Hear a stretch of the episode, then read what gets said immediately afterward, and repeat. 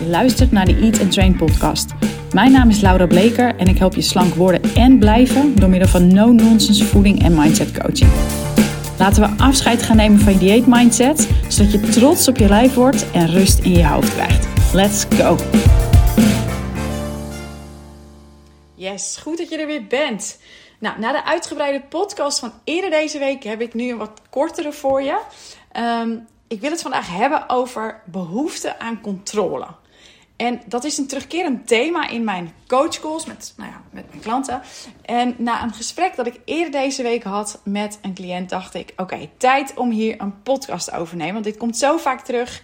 Ik denk dat ik hier meer mensen mee kan gaan helpen. Nou, ik spreek natuurlijk veel vrouwen, of natuurlijk, ik spreek veel vrouwen die zich overvragen. En als je meer podcasts geluisterd hebt, dan weet je van, nou, daar hoor je me vaker over. En dat gezegd hebben, laatst noemde iemand het persoonlijke verwaarlozing. En die uitspraak kan ik eigenlijk wel waarderen, omdat het een, eh, een duidelijk statement is. Hou ik van. En ik weet dat veel van jullie, hè, of zeker degene die nu luistert en die zegt van joh, ik herken me daarin en dat overvragen. Um, dat je dat eigenlijk wel mag horen. Dus jezelf overvragen is eigenlijk persoonlijke verwaarlozing. Nou, als je het op die manier stelt, komt die waarschijnlijk wel binnen. En uh, nou ja, ik, ik leg dit even, of licht dit even toe, omdat ik denk, uh, nou ja, soms mag je het gewoon wel horen dat het zo, dat het zo duidelijk is. En ik stel, als je te vaak ja zegt tegen een ander, zeg je eigenlijk nee tegen jezelf. Dus je verwaarloost dan jezelf. En als dat zich uit in willen ontspannen of willen uitchecken met eten, um, dan is dat probleem niet op te lossen met koolhydraatarm eten of intermittent vasten of je eten tracken of wat dan ook. En als we daar induiken tijdens coachcalls, dan blijkt heel vaak dat de vrouw in kwestie een enorme lijst heeft van dingen die zij nou eenmaal echt zou moeten doen. Of eigenlijk moet ik de klemtoon nog duidelijker maken, die zij nou eenmaal echt moet doen. En als we er dan naar gaan kijken, en dan zie ik vaak dus al een grijns tegenover mij in dit zoomscherm. Omdat als je gaat uitspreken, uh, als je al die dingen waarvan je denkt dat jij dat echt moet doen, als je die gaat uitspreken, hardop, dan krijg je vaak al heel snel in de gaten wat een gekkigheid je jezelf eigenlijk wijs maakt. Nou, ik weet niet of het kan volgen, maar ik heb een aantal uh, voorbeelden hier op mijn uh, aantekeningen voor die podcast staan. En een aantal daarvan zijn, joh, ik ik moet eigenlijk die klemtoon elke keer goed doen. Ik moet wel bij die meeting zijn. Eigenlijk moet het zijn, ik moet wel bij die meeting zijn. Anders loopt het project niet goed. Ik moet wel altijd cadeautjes kopen voor de vriendjes van mijn kinderen als er verjaardag zijn. Want anders is er geen cadeautje en dan staat mijn kind daar met lege handen. En als je denkt, waar haalt ze dit vandaan? Dit is allemaal materie uit daadwerkelijke coachcalls. Ik kan niet ziek zijn. Ik kan niet ziek zijn en rust nemen. Want Um, ik ben s'morgens nodig, want als ik er niet bij ben, dan worden er geen tanden gepoetst, gaat er geen lunch mee naar school, etc. Ik moet wel helpen op de sportclub, anders doet niemand het. Ik moet het huis opruimen, anders dan doet niemand het. En oh jee, wat er dan, wat er dan gebeurt, dat een bende wordt. Um, tot aan, ik moet wel de hond uitlaten, anders gebeurt het niet of niet goed. En, en dingen als de vaatwasser, de was opruimen, boodschappen doen, koken, afspraken initiëren met vriendinnengroepen continu achter iedereen opruimen. Nou, dat laatste had ik natuurlijk al een beetje gehad. Er zit vast hier iets bij waarvan je denkt: hé, hey, dat, dat maak ik mezelf ook wijs. En misschien kun je deze lijst nog wel aanvullen met dingen die jij van jezelf moet. Dingen die in het water vallen als jij dat niet regelt. Ja, of, als, of dingen die niet zo goed gaan als jij je er niet mee bemoeit, als het niet op jouw manier gebeurt. En dat is wat je, waarom je het wil controleren. Jij wil je er eigenlijk mee bemoeien. Dat klinkt misschien net iets minder aardig. Maar die controle hebben geeft jou een goed gevoel. Nou, allereerst, als je dus zo'n lijst hebt hè, van dingen die jij dus per se moet doen, dan zeg ik vaak gekscherend: je maakt jezelf wel echt belangrijk zo, hè? Nou, dat is natuurlijk een beetje met een, met een, met een geintje, maar wel een met een seintje. Uh, want dit is natuurlijk, ik doe er luchtig over. Maar dit kan echt in de praktijk er zo uitzien dat, door jij, dat jij alles moet doen, dat je jezelf, dat je alles moet doen, dat je alles, ik kan beter zeggen, doordat jij alles onder controle wil houden, alles wil controleren en, en ergens um, invloed op wil hebben. Want oh jee, als je het loslaat, oh jee, als het niet zo gebeurt zoals jij dat zou willen, wat dan? En zo kom ik op het tweede punt. Want ik zei allereerst, je maakt jezelf wel belangrijk. Maar dat is een beetje een grapje natuurlijk. Het tweede is, is het echt zo dat jij die dingen moet doen? Ja, dus dat is dan een vraag die ik stel in zo'n gesprek. En vaak, vraag, nou, vaak krijg ik dan nog eerst een ja. Ja, anders gebeurt het niet. Ja, anders hebben die kinderen inderdaad geen eh, cadeautje. Ja, anders um, loopt die meeting inderdaad in de soep. Of is die klant niet tevreden. Of is het, is het huis een bende. Maar is dat echt waar? Gebeuren die dingen, als jij de controle loslaat, gebeuren die dingen dan uiteindelijk niet? Of gebeuren ze niet op jouw manier? Ja, dat is iets om over na te denken. En stel, stel dat het niet gebeurt. Datgene wat jij wil controleren. Stel dat dat niet gebeurt. Wat is dan het gevolg? En wat is dat gevolg als dat voor één keer gebeurt? Wat gebeurt er dan? En wat als het heel vaak gebeurt? Wat gebeurt er dan? Dus dit zijn vragen die ik stel in een coachcall. Waar je dus ook, zet de podcast dus nooit zoveel pauze. Waar je over na kan denken. En stel jezelf vervolgens de vraag: is dat een realistische verwachting? Dus dat wat jij denkt, dat als je de controle loslaat, wat er dan gebeurt, gebeurt dat dan voor één keer of heel veel vaker? En is dat realistisch om dat te denken? Ja? Laat, laat, laat ik een voorbeeld nemen. Ehm, stel je werk. Dus als jij, stel jij hebt het gevoel van, joh, ik moet bij die meeting zijn. Uh, of ik moet dit project doen. Stel je voor dat je dat niet zou doen. Hè? Stel je voor dat jij bij een meeting moet zijn op je vrije dag, maar je bent dat niet. Wat gebeurt er dan? Loopt die klant dan weg? Word je ontslagen?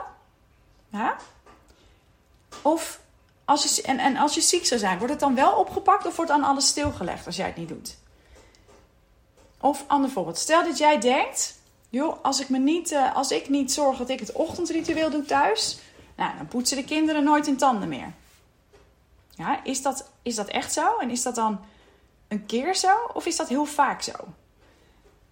Ja, dus, dus en wat zou er gebeuren als je dat dus uiteindelijk niet zou doen? Zou je partner, als je die hebt, uiteindelijk toch zorgen dat die kids hun tanden poetsen?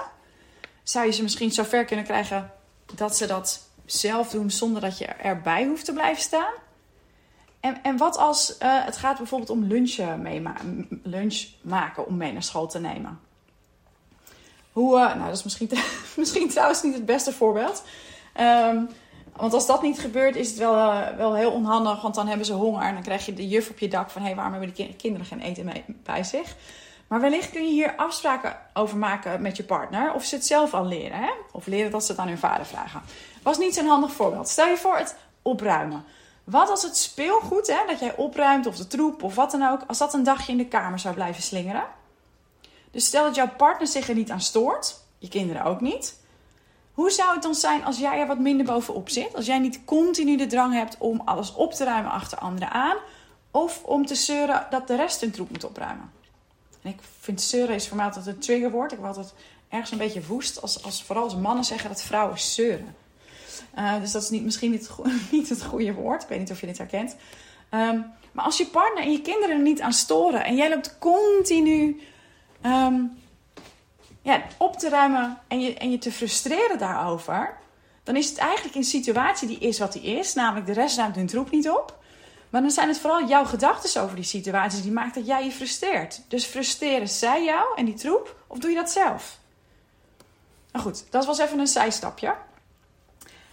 Stel dat dus, dus nog, hè, dus nu los met zo'n zin kan ik het eigenlijk, eh, of kan ik het eigenlijk, los ik het eigenlijk heel, uh, heel bot en kortweg uh, op.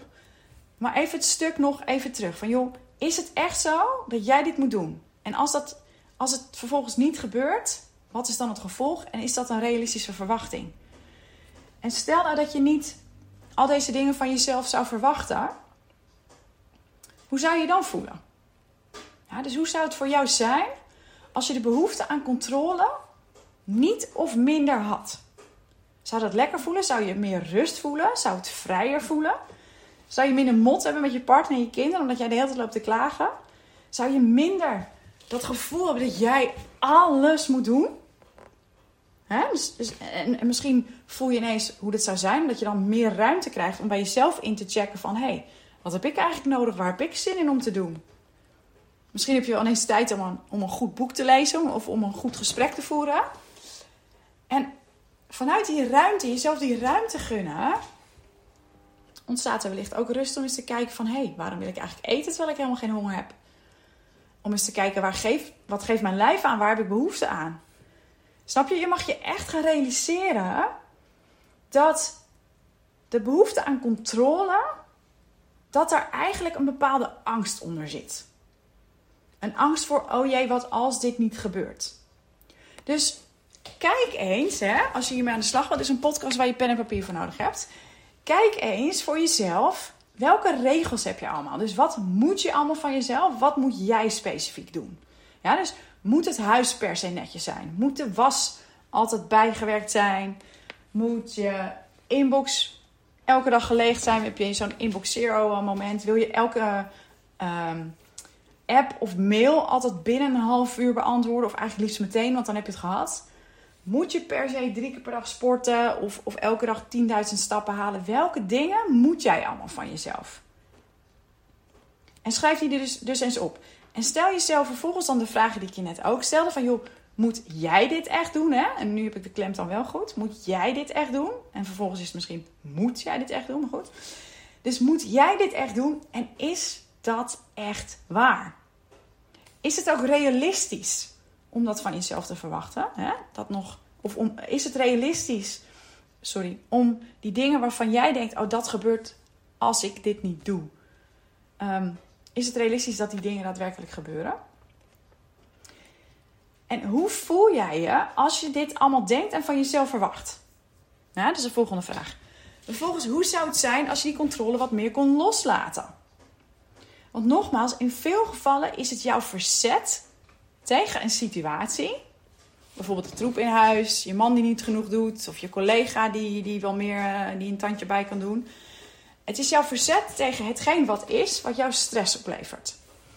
Jij denkt iets, vindt iets, en omdat de realiteit anders is, ervaar jij stress of andere emoties. En die emoties kunnen wellicht weer triggeren dat jij uiteindelijk denkt: Oh, ik, ga, ik moet even wat eten. Snap je? Nou, de beste manier om hier uiteindelijk mee te gaan oefenen is je bewust te worden dat er een bepaalde angst onder zit. En als je de gedachte, dus van oh, ik, moet die, ik moet dit doen, als je die nou eens gaat opmerken, dus je gaat hem herkennen en vervolgens ga je hem proberen te laten gaan. En let erop dat als je gaat opletten op dat je die gedachten hebt van hé, hey, oh wacht, dit is die angst, oh dit is die angst. Dat je daar niet te lang in blijft hangen, echt max 1 tot 5 seconden. Want anders is het rumineren, wordt het groter en helpt het je verder van huis. Dus heel kort van hé, hey, oh wacht, hier is die angst weer. Hier doet mijn brein weer dit.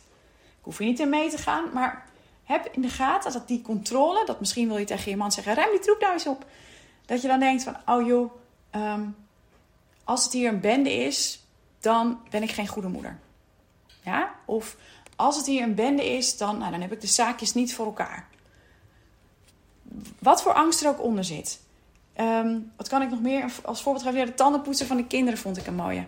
Um, is het, stel dat het echt dat, dat Ehm, jij voelt de drang s'morgens, terwijl je het eigenlijk heel druk hebt. Jij moet misschien al naar je werk of je bent van alles en nog wat aan het doen. Dat jij denkt, hey, ik moet me per se nog bemoeien met dit ochtendritueel. Want anders, uh, misschien ben je ziek of wat dan ook, kan het daarom niet. Of moet je al weg. Als ik me hier niet mee bemoei, dan worden er geen tanden gepoetst. Nou, dan is natuurlijk, ergens ligt daaronder een angst van, oh jee, die kindjes krijgen een, een slecht gebit. Dat wil je niet. Bijvoorbeeld als het opkomt om je te gaan bemoeien met dat ochtendritueel, van oh, uh, tegen je man zeggen dat hij het niet goed doet, tegen die kinderen lopen fitten of wat dan ook, besef je dat daar een angst onder zit en ergens misschien ook nog wel liefde. En vervolgens kun je het laten gaan. Je hoeft niet alles te controleren. Het komt ook waarschijnlijk wel goed als jij niets doet. Ja? Onderzoek dit voor je. Kijk waar, waar je de controle wat meer los kan laten. Het begint met kijken naar Oké, wanneer is die gedachte? Hij is er, ik hoef nu niets te doen. En van daaruit zal het steeds makkelijker worden om dingen te gaan accepteren, niet alles te willen controleren en uiteindelijk meer ontspannen te worden en meer ruimte te voelen om bij jezelf in te checken.